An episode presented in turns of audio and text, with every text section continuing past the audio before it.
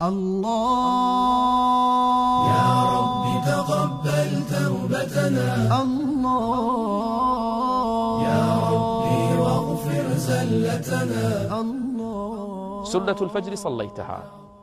بعد الصلاة الفرض وبعد الأذكار قرأت القرآن ويستحب لك يا عبد الله أن تجلس كل يوم بعد صلاة الفجر في مسجدك تقعد تذكر الله عز وجل حتى طلوع الشمس. بعض المساجد بعد الصلاة ساعة إلا ربع بقي بعضهم ساعة إلا بعضهم نصف ساعة وزيادة. هذا الوقت يستحب لك ألا تخرج من بيت الله عز وجل. فالقلب معلق هنا.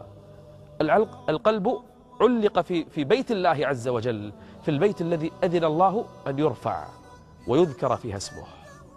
تجلس هنا في بيت الله. وتنتظر الشمس حتى تطلع. فالوقت ليس وقت صلاة. بعد صلاة الفجر ما في إلا من فاتته السنة.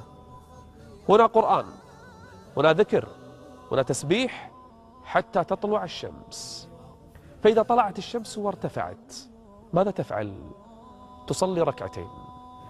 ركعتان بعد شروق الشمس وارتفاعها. تعرف ما أجرك؟ من صلى الفجر في جماعة.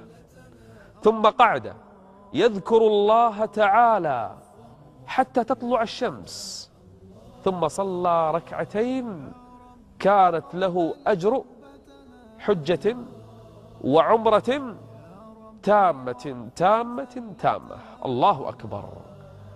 من يفعلها اليوم؟ من يستطيع أن يفعل هذا الفعل اليوم؟ البعض من الناس يقول حج وعمرة أنا جالس في مسجدي؟ نعم.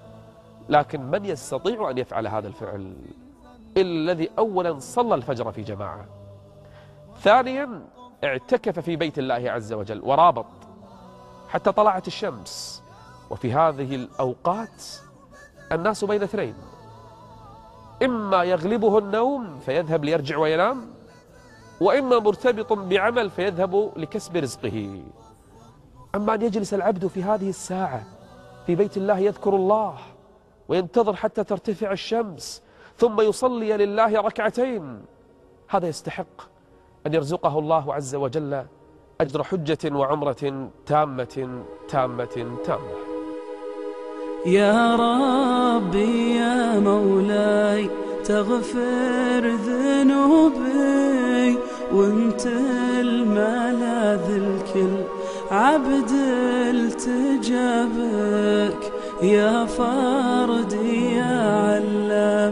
كل الغيوب ما خاب من وقف على جال بابه